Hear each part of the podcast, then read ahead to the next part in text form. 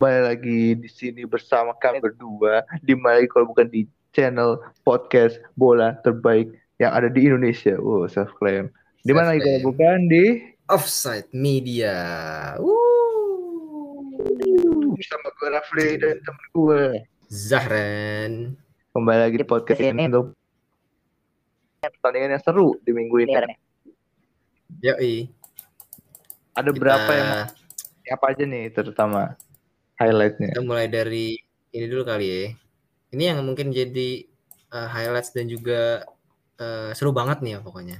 Ini final Carabao Piala Kerbau ini antara Liverpool dan Chelsea mungkin ini akan jadi pembahasan pertama kali ya. Yes.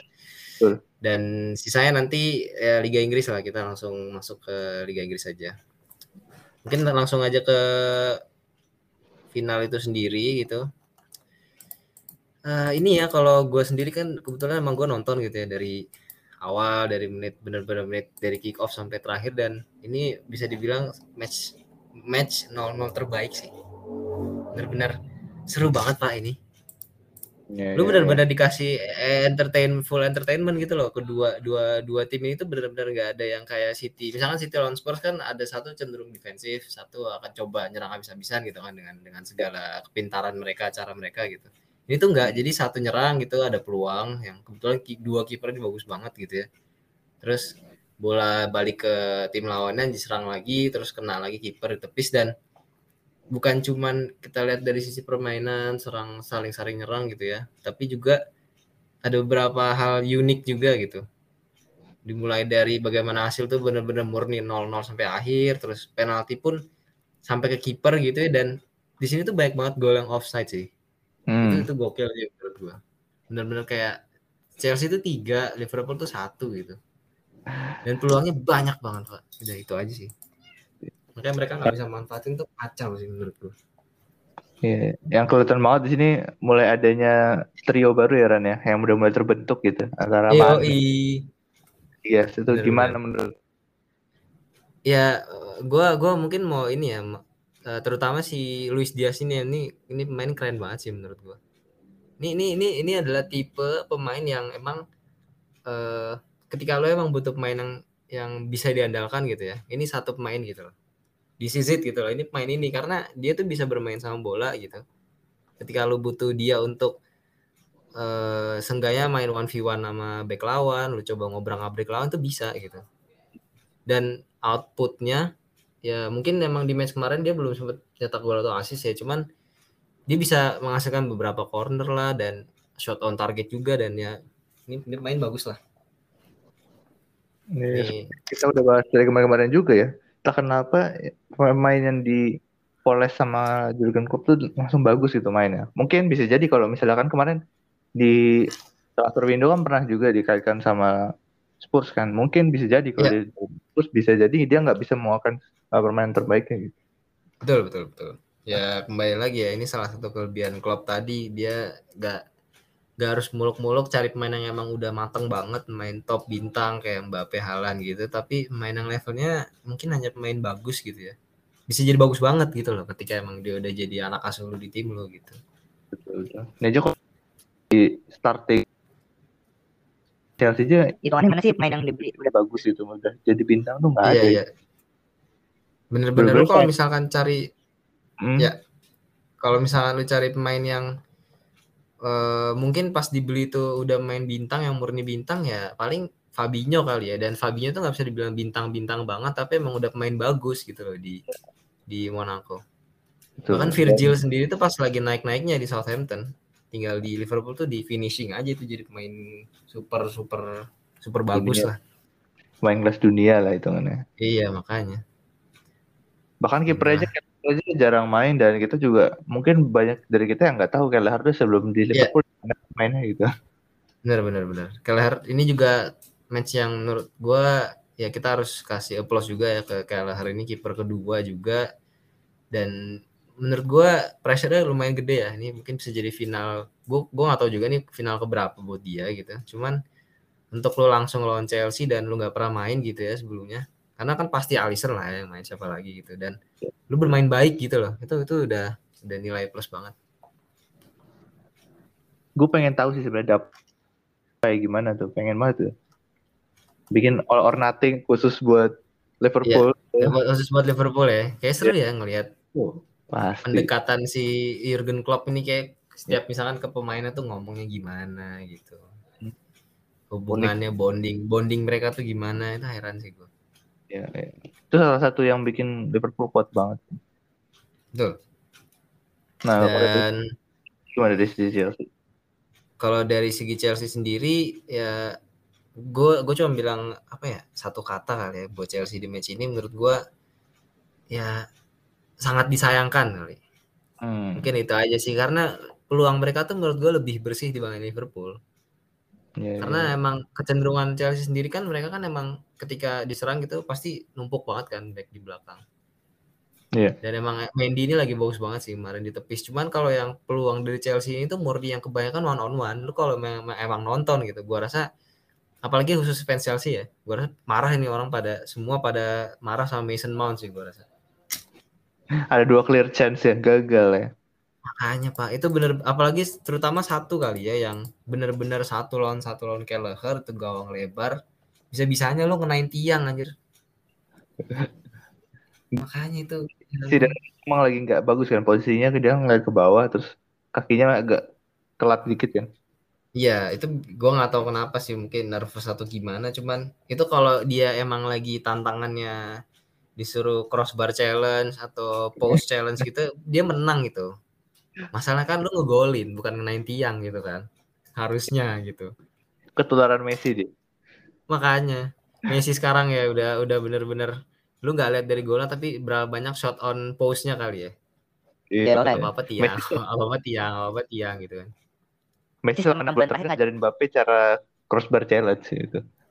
Betul betul betul. Gua rasa kalau ada turnamen atau challenge-challenge-nya crossbar crossbar gitu, acara-acara show-show gitu menang ini udah. Mereka mereka calon-calon nih udah mereka berdua nih. Bener-bener tendangan ke tiang semua. Dan sering Hmm. juga ya. Chelsea itu sering sedang tiang ya.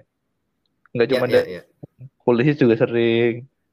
Kan Buat- ya itu itu struggle mereka buat khususnya di musim ini gitu ya. Pemain depan mereka ini kan banyak yang ya kita tahu paceklik go- gol kali ya.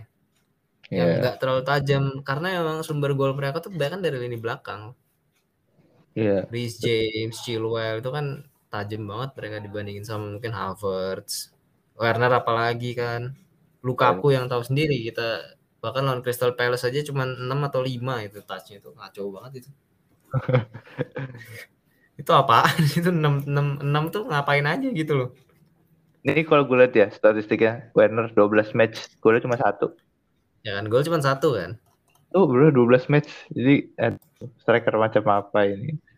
Makanya itu. Lukaku pun 5 gitu loh. Itu yang Iya. paling banyak kalau nggak salah untuk striker lini depan mereka ya. Jadi ini banget sih Kacau banget. sih problem banget. Dan ini sebenarnya problemnya juga udah udah dari musim-musim lalu kan sebenarnya kan. Cuman karena ya itu mereka pun juarain Champions League ya dengan permainan defensif mereka gitu loh. Iya. Jadi yang bikin mereka juara tuh defense ya, bukan strikernya, bukan lini depannya. gitu. Menurut gua murni Tuchelnya itu emang keren banget gimana bisa ngeracik tim yang ditinggal Lampard tuh lagi hancur-hancurnya gitu kan. Habis dibantai Arsenal tuh 3-0. Tiba-tiba jadi juara Champions League di akhir gitu. Sebenarnya kan nggak ada yang nyangka banget. Udah ada Mendy belum sih? Belum ada ya? Udah ada, udah ada Flick. Udah ada. Tapi Udah jangan ada, dimainin ya. dulu ya. Itu tuh musim pertamanya dia. Heeh. Cuman kan bagusnya Aneh. itu kan emang pas diambil dari awal sama Tuchel itu kan langsung gila-gilaan gitu dia. Iya, benar-benar. Terus Tuchel juga bisa uh, bangkitin semangatnya Rudiger ya. Dulu Rudiger kayak jarang main, diganti-ganti Iya, iya, terus. dulu dulu du- dulu tuh emang sejujurnya ya kalau gua ngeliat Rudiger tuh bukannya bermaksud gimana gitu ya, tapi agak 11 12 sama Mustafi di Arsenal bener. Terutama gitu ya. Terutama kalau mainnya lu 4 back. Itu Iya, hancur iya. banget tuh Rudiger tuh. Antisipasinya jelek, bunuh bunuh diri, Iya, betul. blunder. Makanya. Ada kompilasinya ada tuh. dan dan emang pas masuk tiga back itu orang jadi sangar banget sih keren Iya, iya. one of the one of the best menurut gua kalau di untuk saat ini ya di luar dari dia bermain di tiga back dan sistem bertahan yang baik gitu Iya sih. Menurut gua apa yang Tuchel tuh bisa nyari sesuatu di Rudiger yang dia dulu belum eksplor itu cutting speed. spiritnya Iya. Dulu tuh nggak kelihatan Benar, berarti benar. Chelsea itu Hmm. belum ada back, Hampir back yang gitu. kayak Van Dijk gitu. Iya. Bisa kayak eh, lawan tuh pasti takut gitu kalau ngadepin Van Dijk. Nah, sekarang lawan tuh takut kalau ngadepin Rudiger gitu. Nah, dulu tuh Rudiger Rudiger ya, nggak dia pandang kayak gitu udah eh, udah jiper duluan kan ngeliatnya. kayak gitu lu ngadepin Pepe sebagai striker ngeri lu pasti Nah, udah ngeri duluan gitu kan. Pandai gitu. Kalau di MU misalkan Maguire gitu ya, Fli. Iya. Aduh, no look, no look tackle ya. oh iya, nanti malam kan dia main. Kita lihat aja Oh iya, oh, memang kita lihat, kita lihat, kita lihat aja gimana. Ntar no look, no look, no look, no look apa lagi nih yang dia ciptakan gitu kan. Dia jadi No. itu gila. Ternyata nolok itu- tackle ke wasit. Itu ah, itu itu itu ke udah itu udah udah udah nggak nggak ngerti lagi gue itu apaan tuh orang. Aduh kapten loh dia itu. Ngaco ngaco ngaco ngaco. Em, mungkin balik lagi. Eh eh, kita sorot ke penaltinya gitu ya. Ini momen unik lainnya selain banyaknya goal offside juga. Eh, kita tahu kalau kecenderungan tuh Tuchel buat masukin Kepa itu kan tinggi ya. Ketika game itu akan berujung ke penalti dan di match ini tuh ada salah satunya gitu. Dan ternyata gitu ya ini semua berujung dengan apa ya bisa dibilang petaka kali ya. Karena dia tidak nggak sempat nge-save satupun tendangan gitu. Dan bahkan yang buat kalah itu ya tendangannya dia yang tendangan goal kick penalti dia itu loh. Gue bingung gitu loh gimana kenapa bisa kayak gitu tendangan gitu ya. Tinggi banget ya Em, dan perdebatan itu kan sebenarnya yang mungkin dibahas orang-orang banyak juga adalah eh, apakah sebenarnya Kepa itu harus masuk gitu ya? Kenapa gitu di luar dari Mendy itu keren banget mainnya dan kayaknya sih man of the match ya dia di match ini. Kalau apalagi kalau Chelsea menang gitu dia udah mungkin gue di disanjung tinggi kali ya dia tuh. Nah Iya. kalau gue pribadi mungkin akan bilang kondisional aja sih. Gue gue gue gue ngeliat ke gimana eh, ini kan bukan pertama kali buat Chelsea nurunin Kepa sebagai kiper yang masuk gitu ya yang gantiin Mendy kalau misalnya penalti. Ini mungkin udah keempat atau ketiga kalinya gitu ya setelah mereka sempat main kayak gini juga di FA Cup atau di Carabao gitu ya lawan South- Southampton gue lupa. Lawan Aston Villa juga sama lawan Villarreal gitu. Dan emang kebetulan tiga penalti penaltian sebelumnya itu yang menang gitu. Chelsea menang dan Kepa tuh berkontribusi di situ. Dia nge-save juga dan makanya kalau misal ada orang yang bilang ya harusnya Mendy masuk gitu ya. Maksudnya harusnya Mendy tetap main gitu loh. Kita nggak tahu kan ada kalau Mendy main dia mungkin bisa nge-save atau enggak. Nah ya poinnya di situ gitu loh. Kita nggak tahu gitu. Makanya kan balik lagi ke hasil aja kalau karena kalau menurut gua kalau misalnya emang Kepa bisa nge-save itu tendangan mungkin Konate kali ya. Itu kan soalnya jelek juga tuh tendangannya. Ya dia disanjung tinggi banget sih. Dan kalau emang dia gagal sama kayak realitanya ya, Betul. dia harus risikonya gitu loh. Jadi ya semua tergantung kondisi aja gitu jadi nggak bisa benar-benar disalahin emang Betul. kebetulan ya emang nggak beruntung aja dia tendangannya jadi goal kick gitu kan Mhm. Ya, itulah. Ya, this is football ya. Football nggak bisa diprediksi. Nggak bisa pakai data historis juga gitu. Akhirnya eh, menang Liverpool dengan segala ke odds-nya, odds apa ya? Iya. Keganjilannya, maksudnya keanehan ketidakmungkinan, ya keanehan ini ya. mereka bisa juara. Kelleher tuh sangat ganjil sih menurut gue, sangat tidak eh, tidak diprediksi gitu Kelleher main bagus dan dia sebagus itu. setuju Karena sebenarnya ada tiga clear chance sebenarnya kan, Eh, lebih Itu bahkan. menurut gue menurut gue bahkan clear banget Fli itu udah bukan clear chance lagi itu Gila emang bagus sih. Iya Oke, supaya kita tidak bertele-tele langsung ke match selanjutnya. Ada Barcelona dulu nih, karena gue sangat ngebet nih gue pengen bahas Barcelona. oke Karena Gimana gua nih, demen ya. Ya, gue kan kembali lagi, gue udah melihat Barcelona tuh mulai dari bangkit dari dua-dua lawan Espanyol dan sebelumnya lawannya Atletico itu udah kelihatan ini ya progresnya gitu. Nah, makin ke sini, menurut gue nih, gue nggak tahu ya pertandingan yang kemarin yang mau kita bahas ini yang atletik ini bakal jadi pertandingan peak mereka habis itu turun lagi ataukah ini salah satu uh, milestone mereka supaya lebih bagus lagi di pertandingan minggu ini gitu di match week yang di uh, tanggal berapa? 6 Maret ya. Ya, ya tanggal 6. Betul. Nah, karena pas pertandingan lawan Atletik ini benar-benar mainnya di babak pertama tuh ya seperti Barcelona Safi gitu yang seperti kita kenal dan Aubameyang kembali nyetak gol lagi. Mm. Itu uh, ada peran juga dari sundulan Pique ya. Kalau kita tahu sebenarnya Pique nggak cuma kali ini dapat sundulan yang bisa bikin pas lawan Atletik. Ya. Yeah. Nah, menurut gue ya tendangan bebas apa pun Pique lah gitu. Nah, bagi tim-tim lawan Barcelona ya udah Pique aja dijaga. Itu Nah, terus ini tuh Dembele. Show, benar satu show untuk Dembele. Dia membuktikan banget ya. Kapasitas dia, iya. Itu keren banget. Gol-golnya tuh kan dia sempat nyetak gol yang ke atas kiper itu kan. Itu gol khas ya. Dembele banget itu. Dia udah pernah hmm. nyetak gol kayak gitu juga dulu beberapa tahun lalu sebelum dia cedera-cedera itu kan. Betul. Terus dia ngasih dua assist. Uh, dua assistnya bisa dimanfaatkan juga. Sebenarnya uh, dua assist itu juga oportunis sih. Maksudnya kalau De Jong dan Depay nggak bisa nyetak gol ya tetap menang walaupun Dembele nggak kelihatan banget gitu di pertandingan itu nggak kayak yeah. start of the match lah gitu. Betul. Nah tapi ada satu yang gue sorotin banget Pedri. Pedri tuh ah. bener-bener pemain yang paling uh kalau nonton pertandingan itu ya gue lihat Pedri bawa bola, Pedri gocek, Pedri ngolongin orang itu bener-bener satisfying banget ya itu kalau nggak salah ya, kalau nggak salah tuh ada beberapa klip Pedri yang benar-benar dia dijaga tiga atau empat orang gitu ya, benar-benar bisa ngelewatin satu, terus kombinasi-kombinasi kayak lu main lagi main kucing-kucingan gitu loh, Fli, sama teman-temannya iya. gitu dan berhasil keluar dari pressingan itu itu gila sih. Dan Pedri ah. tuh jadi inti dari itu.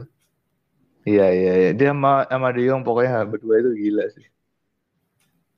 Ini ini Dan lu bayangin aset kan mereka setelah menang 4-0 tuh kan dikasih libur ya tiga hari ya. Itu Pedri ya. salah satu pemain yang tetap gak libur dan tetap mau latihan. Gila, gila, gila, gila, gila. Ah, terus kan di ada future. selain itu. Iya, emang di future banget. Di future banget. Orang bilang bahkan pun bilang itu next Iniesta. Ah, hmm. menurut gue dia tuh lebih kayak Safi daripada kayak Iniesta. Menurut gue. Gitu. Bahkan Kenapa Safi. dia kayak Iya bahkan sampai bilang Iniesta kalau menurut gue Pedri itu mainnya Safi banget bukan Iniesta banget ya hmm. Safi banget tuh hmm. dia itu model yang misal dari back nih back tuh bakal nyari Pedri yeah. dulu gitu. Iya iya iya iya.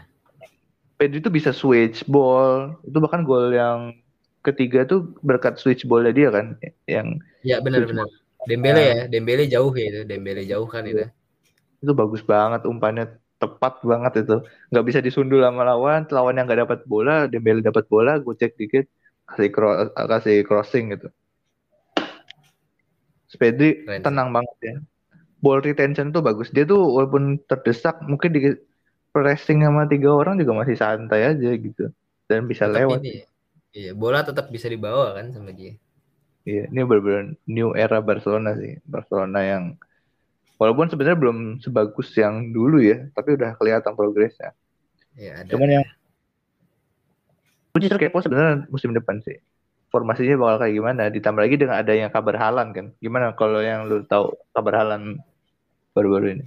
Kalau Halan sih kalau untuk kabar sejauh ini masih simpang siur sih ya. Banyak yang bilang kalau ya, antara Madrid atau Barca keduanya bisa sama-sama mendatangkan main ini. Cuman kan kalau dari yang kita tahu kan Madrid kan lebih uh, erat ke Mbappe kan dan kayaknya orang ngeliat juga kayaknya nggak mungkin deh kalau Mbappe Halan mungkin langsung datang ke satu tim itu gitu. Jadi ya satu ke Madrid, satu ke Barca gitu loh. Cuman untuk saat ini belum ada ya rumor yang lebih jelasnya dan konfirmasi lebih lanjutnya lagi sih.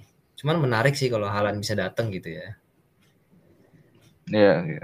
Betul gue juga menunggu itu sih walaupun sebenarnya gue takut agak takut juga ya agak skeptis kalau halan ke Barcelona takutnya jadi ibra kedua gitu iya iya iya ya sebenarnya pemainnya bagus, tapi nggak bagus kalau di dalam sistemnya Barca gitu. Takutnya. Hmm, takutnya kan. Bener bener bener. Tapi ya who knows gitu ya, Fli. Bahkan Auba pun yang awalnya pun sempat komentar tentang dia kalau nggak salah 2019 waktu setelah match Arsenal lawan Barca yang pre-match eh yang friendly match juga gitu kalau Auba ini main bagus cuman sayangnya dia nggak akan cocok di sistem Barca gitu.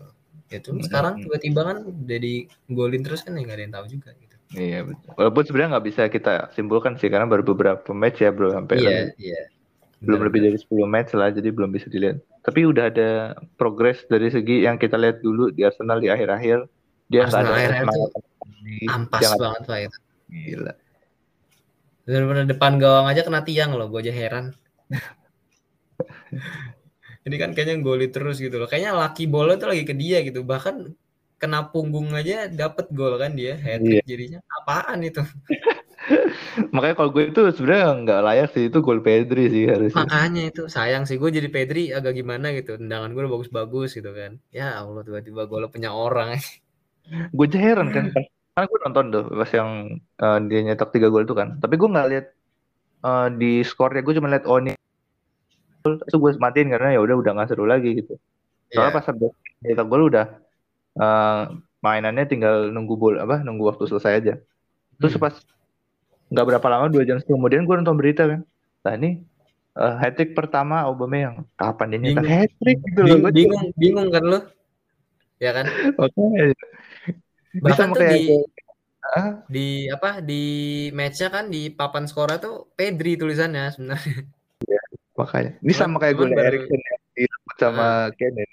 Iya iya iya. Itu golnya direbut tuh gimana caranya anjir. Dengan bangganya lagi dia ngerebut. Kalau misal si Auba ini kan masih masih keputusan dari La Liga juga kan. Kalau Kane tuh Iya. sempat di interview nggak salah dan ya udah dia ambil golnya. Aduh. Kocak kocak. Walaupun ya ada kena punggung juga sih cuman ya kasihan Pedri lah itu gol udah bagus banget itu. Iya asli. Tenang dari luar kotak penalti tuh. Rising shot masuk. Oke. Terus yang gue soroti juga nih ya, Atletik tuh yang Ya. permainannya ya biasa banget ya, 4-4-2 flat, ngincer Mm-mm. counter attack, enggak lah Namanya kok ini ya. Possession, ini lihat aja ball positionnya 70% gitu. Jauh banget ya itu. Gila sih. Itu jauh banget sih, Nah, Pak. ya. 70% tuh. Ya, terus yang ada dua lagi yang penting juga yang menurut gue menarik dibahas dari match ini. Dulu yang orang bilang Iñaki Williams setiap main lawan Barcelona tiba-tiba jadi Iñaki Rooney atau Iñaki Ibrahimovic gitu. Heeh. Nggak, nggak kelihatan ya? gitu. Iya, iya, iya. Karena kelihatan itu emang dia nggak, Emang Dia jadi bagus. Barcelona lagi jelek waktu itu. Nggak ada struktur juga. Gitu. iya. Uniknya ini dia nggak, nggak ini ya, nggak main dari awal ya. Gue kira dia bakal main dari awal ya. Main ternyata. Ya, malah dia nggak malah, malah nggak main dari awal ya. Karena dia bagusnya modelnya kayak Barcelona lagi lengah gitu. Terus dia capek ada ya? ruang. Iya. Betul. Dia tuh modelnya Modelnya gitu. Terus satu Oh iya, lagi ngomongin soal- gua bilang kedua. Nah iya itu. Gue baru pengen ngomong. Dia gue pengen gue sih. Ngomongin soal Inaki yang baru Gimana? masuk dari cadangan gitu kan. Depay yang golin lagi kan. Akhirnya. Iya. Gimana nih menurut lu? Dewa ya? Kan Ada ya. persaingan nih di ya, jelas ada persaingan sih karena kalau dari yang gue lihat di fanbase fanbase Barca gitu ya komentar-komentar mungkin forum Barca juga banyak yang nggak terlalu puas dengan eh, kinerja Depay sejauh ini kan sejauh sebelum pemain-pemain baru ini datang karena ya tergolong nggak nggak masih mengecewakan gitu ya cuman di sini dia masuk langsung golin kan ya kita nggak tahu siapa tahu dia bisa jadi pesaing yang cocok buat mungkin Ferran Torres nih yang kayaknya lagi down juga ya nggak golin lagi nggak golin lagi gitu kan atau Iya. mungkin Auba gitu Kalau sebenarnya Kalau Auba ya? misalnya di posisinya Auba tuh ada dua orang lagi loh, ada Luke De Jong, ada Braithwaite juga. Eh, Braithwaite nih ya Braithwaite juga kasihan ya Belum dapat match lagi dia semenjak ada Auba. Padahal sebelum apa? Sebelum pemain-pemain ini datang gitu kan, dia sering dimainin loh, Fli. Iya karena Iya, sebelum sebelum cedera juga kan, sebelum cedera itu sering main di sayap. karena lu nggak mungkin mainin Luke De Jong dari menit awal kan. Iya, benar benar benar. Karena lu kalau misalkan bener ngelihat line up-nya Barca sekarang gitu ya, terakhir lawan Atletik sama sebelum Januari gitu. Bener-bener strikernya tuh Ferran Cukla, jadi gue nggak tahu itu siapa. Lanjut gila. Itu dari Sekarang Barcelona itu ditarik tuh. Iya, sekarang kan kayak mainnya bagus banget gitu ya. Ferran Torres gitu kan, Oba Adama gitu. Belum cadangannya gitu kan. Dembele, De Depay itu masih cadangan semua itu. Hmm. Masih Sufati juga tapi masih cedera. Masih cedera gitu ya. Itu udah bisa trio-trio itu kalau capek trio depan semuanya ganti aja masukin tiga-tiga juga masih kuat gitu. Berarti dia model kayak Chelsea ya. Chelsea itu tiga orang bisa diganti loh di Iya. depan. Hmm, Chelsea tuh Kemarin- kedalamannya bagus deh. Kemarin aja kan Pulisic sama Mount yang main terus diganti kan. Iya. Werner masuk. Werner sama Lukaku masuk di menit yang sama. Dua Nah. pergantian. Itu bahkan Werner Lukaku masuk main kayak Ziyech sama satu lagi tuh siapa ya? Oh iya ya masih, masih ada ada. masih ada di cadangan. Iya, masih ada di cadangan gitu. Odo itu juga masih di cadangan loh padahal. Gila bisa bikin tiga tim tiga lapis itu. Masih pengen tiga lapis kan saking dalamnya itu squad. Dan maksudnya tiga lapisnya itu masih kualitasnya masih setara lah. Iya gitu. iya, kualitasnya tuh bagus. Dan tipikal mainnya juga apa variasi variasinya banyak gitu loh. Jadi emang enak juga Tuchel nih kalau main dengan variasi taktik yang berbeda gitu kan. Jadi tinggal tinggal pilih main aja gitu. Betul, betul, betul. Oke. Oke, gitu. Gue mau bahas satu lagi nih. Setelah Ya. dua pertandingan tadi terakhir nih. Ada pertandingan Leeds dan Tottenham Hotspur. Iya. Oke. Skor 0-4 untuk Spurs. Gimana nih, Pri? Ya, pertandingan ini benar-benar jadi finishing menurut gue ya, dari yang kita bahas dari kemarin-kemarin tentang Marcelo. Bielsa yang udah mulai udah mulai struggle struggle dan sekarang akhirnya ini finishing lah finishing bagi Leeds udah Iya. selesai dipecat langsung dari pertandingan ini. Iya. Dari yang gue lihat ya sebenarnya dari segi permainan dan gol-gol yang terjadi itu itu golnya Spurs banget. Gol direct pass, umpan eh, membelah lautan kalau kata Valentino Jebret tuh. Yo. umpan jauh ke depan gitu ya. Iya iya, membelah lautan benar-benar. Membelah lautan. Gol-gol Spurs banget lah dan gol-gol kayak Spurs ini maksud gue tuh nggak bisa konsisten terjadi karena butuh lawan yang lagi lengah atau lawannya terlalu banyak ngasih Mhm. ruang kayak gitu. Sebenarnya dua sih. Gol-gol Spurs dan gol-gol Leeds gitu loh. Nah iya kebobolannya L kayak Kebobolannya tuh kebobolan Leeds banget lu kalau lihat lawan Liverpool 6-0, ah itu ancur-ancuran. Lawan MU pun 4-2, itu juga backnya banyak banget kosongnya, bisa dieksploitasi dan lain sebagainya itu udah Leeds banget. Leeds banget. So, uh, Jadi- Ken akhirnya nyetak gol lagi dan jadi naik lagi sih ini ya menurut gue ah, semangatnya ya. Trionya kayaknya udah pakem nih ya, Kane, Son, Kulusevski nih. Karena Lucas Moura juga lagi cedera sih. Mm. Dan sementara sih emang Kulusevski juga lagi bagus sih ini golin. Terus lawan City juga kemarin sempat golin juga dan ya kayaknya lagi dicoba untuk ke depannya sih. Jadi emang gak ada lagi juga sih di cadangan. Lu mainin siapa? Bergwijn kayaknya. Gak ada gak ada gak ada outputnya kayaknya ya itu orang. Iya iya iya. Ada lagi Joe Rodon, Joe Rodon backnya. aduh Jorodon lagi itu. Siapa lagi ya? Aduh Ini emang Spurs tuh jeleknya di bench sih, benchnya jelek iya banget. iya. Walaupun makanya gua agak heran gitu. Emang di bench itu emang sejelek itu sampai seorang Eric Dyer aja main dari awal gitu loh. Sama Harry Wings lu bayangin Harry Wings tuh main apa gitu loh. Dari Wing itu udah selesai sih kan, nggak jelas nih. makanya Harry Wings tuh main kayak apaan gitu sampai bisa main di dari awal. Tapi emang kalau kita lihat CM-nya nggak ada lagi Fli. Iya betul. karena dipinjemin semua kemarin tuh si Lo Celso sama Ndombele oh harusnya ada ini. Bentangkur Fli cuman kayaknya nggak tahu kenapa nggak dimain cedera kali apa Cedera, muscle injury. iya. Kalau nggak ya gue yakin dia yang main lah. Nggak mungkin seorang Harry Wings main itu apaan. Iya sih. Nah, terus dari segi leadsnya, ini bahkan Ya. yang jadi striker aja Daniel James dong. nah itu itu agak itu itu itu gokil sih. Ibarat kata tuh kalau striker lu Daniel James tuh lu udah pasrah bahwa lu nggak bakal nyetak gol karena dia tuh bukan striker gitu loh. Hanya gue nggak tahu lu ngarep apa gitu lah kalau Daniel James. Oh, enggak banget. Padahal kan di, di cadangan juga lu masih ada Rodrigo Moreno ya, tapi gue nggak tahu m- mungkin dia bukan pilihan utama atau gimana, jadi nggak jadi pilihan striker pilihan strikernya si Bielsa kali atau Bielsa punya referensi tertentu gitu kan, preference tertentu juga gitu.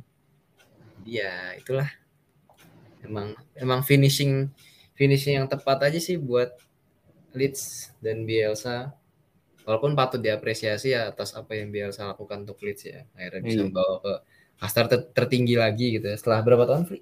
Dari 20. 2004 terakhir kali itu 2004. ya hampir-hampir 20 tahun kan Iya benar. sekarang tinggal gimana penerusnya aja ntar nih Iya. ngelanjutin apa bisa stay di Premier League atau enggak gitu Pengganti ini kan gue sempat searching juga ini uh, Jesse ya. Di mana gue sebenarnya udah Iya. ikutin Jesse Marsch dari agak dulu waktu di, karena gue demen tim-timnya Red Bull jadi gue sering ikutin juga kan. Dia um, dari Red Bull New York terus dipromosin ke Red Bull Salzburg, dipromosin lagi di Leipzig. Pas di Leipzig tuh kelihatan banget. Mungkin di Salzburg dia bisa tetap berprestasi walaupun nggak banget gara-gara ya ketimpangan kualitas ya di Liga Austria tuh terlalu jauh gitu. hmm, betul. Salzburg walaupun misalnya pelatihnya jelek pun ya bakal bisa menang dengan mudah. Iya. Pas dia Jadi- ke Leipzig dan dia nggak bisa meracik tim ini dan terjadi bahkan Leipzig pertama kalinya ikut UEL ya. Setelah tiga Hmm, tahun terakhir atau empat tahun terakhir selalu jadi langganan League ya. League bahkan lolos dari grup loh sering. Hmm, betul betul akhirnya dia dipecat dan di Liga Bundesliga juga jelek banget tuh. Eh, peraihannya dari dulu kan soalnya jomplang banget ya sebelumnya sama pelatihnya Bayern sekarang tuh. Siapa namanya? Eh, Nagelsmann. Nagelsmann itu sama Jesse Marsch tuh sangat timpang banget. Jadi Iya. Beda Kayak- banget ya kelihatan. ini orang tuh menurut gue ya kayak Ted Lasso gitu bener-bener. Orang orang Amerika nggak ngerti bola nggak nggak ngerti bola Eropa dan tiba-tiba disuruh ngelatih gitu. Jadi dia belum Iya, siap aja. Tiba-tiba kayak jebret nih lu udah lu ngelatih tim ini pokoknya lu selamatin dah gimana pun caranya gitu ya. dan lu tau sendiri kan orang Amerika merasa dia hebat karena berasal dari negara adidaya gitu jadi kayak Iya. he he thinks he know everything gitu padahal Nah, sebenarnya itu. Iya, itu yang terjadi ya gue nggak gue agak skeptis juga sih melihat dia di Leeds apakah bisa membawa Leeds lebih jauh atau tetap gitu-gitu aja ya Hmm. kita lihat aja Itu yang patut ditunggu ya karena kembali lagi sepak bola itu terlalu banyak variabelnya gitu kan. Kita nggak yang Iya. tahu jadi kita berharap yang terbaik aja lah. karena at the end of the day sepak bola itu kan berhubungan sama manusia ya manusia itu sangat tidak bisa diprediksi gitu Betul betul. tuh Oke. ya itu aja kali ya Sudah cukup seru sih Cukup lah. mudah-mudahan mudah-mudahan episode kali ini seru banget ya soalnya Iya. kita membahas sampai deep banget Iya, Ya, cukup banyak dan cukup dalam gitu ya. Dan cukup dalam juga gitu. mudah-mudahan Iya. ada Iya. oh ya dan satu lagi gue sorotin di table nih semakin seru ya di tablenya Liga Premier League ada City Liverpool yang sering bersaing Betul. walaupun Itu kemarin gua rasa kosong doang lawan Everton ya iya. Ini kedua tim tinggal siapa yang kepleset aja sih kata gue Itu gua rasa emang ini aja sih Fli. Menurut gua saingan juara ya tinggal berdua itu. Dan bisa jadi ya match penentu itu ya ada di match antara kedua tim itu gitu loh nanti. Ya betul betul betul. Dia akan nentuin siapa yang akhirnya naik gitu performanya. Misalnya kan, Iya. misalnya pada saat pertandingan itu dan menang Liverpool bisa aja Liverpool itu menang-menang terus dan juara. Atau Betul. sebaliknya Man City menang dan setelah itu Man City menang-menang terus Liverpoolnya imbang-imbang-imbang. Walaupun Liverpool agak susah kalah sih ya. Paling Iya. dia keseringan imbang bisa jadi itu. Iya, kalau imbang bisa, kalau kalah mungkin masih susah lah ya. Susah. Susah. Tahu sendiri ya Liverpool gimana kan performanya. Apalagi ada Luis Diaz yang bisa jadi pembeda juga gitu. Setuju banget. Gue suka banget sih sama itu pemain. Oke lah, gitu aja kali ya. Ren. Ya wes, wes, Li. kayaknya udah cukup lama juga lah ya kita. Oke, mungkin ya segini dulu buat eh, episode kali ini. Tunggu aja buat ke depannya kita pasti bakal bahas yang seru-seru juga dan Pastinya. ya gua gua Zahran pamit. Gue Rafli pamit. Sampai, jumpa ketemu lagi. di podcast episode selanjutnya. selanjutnya. Uh. Bye bye guys. Yuk.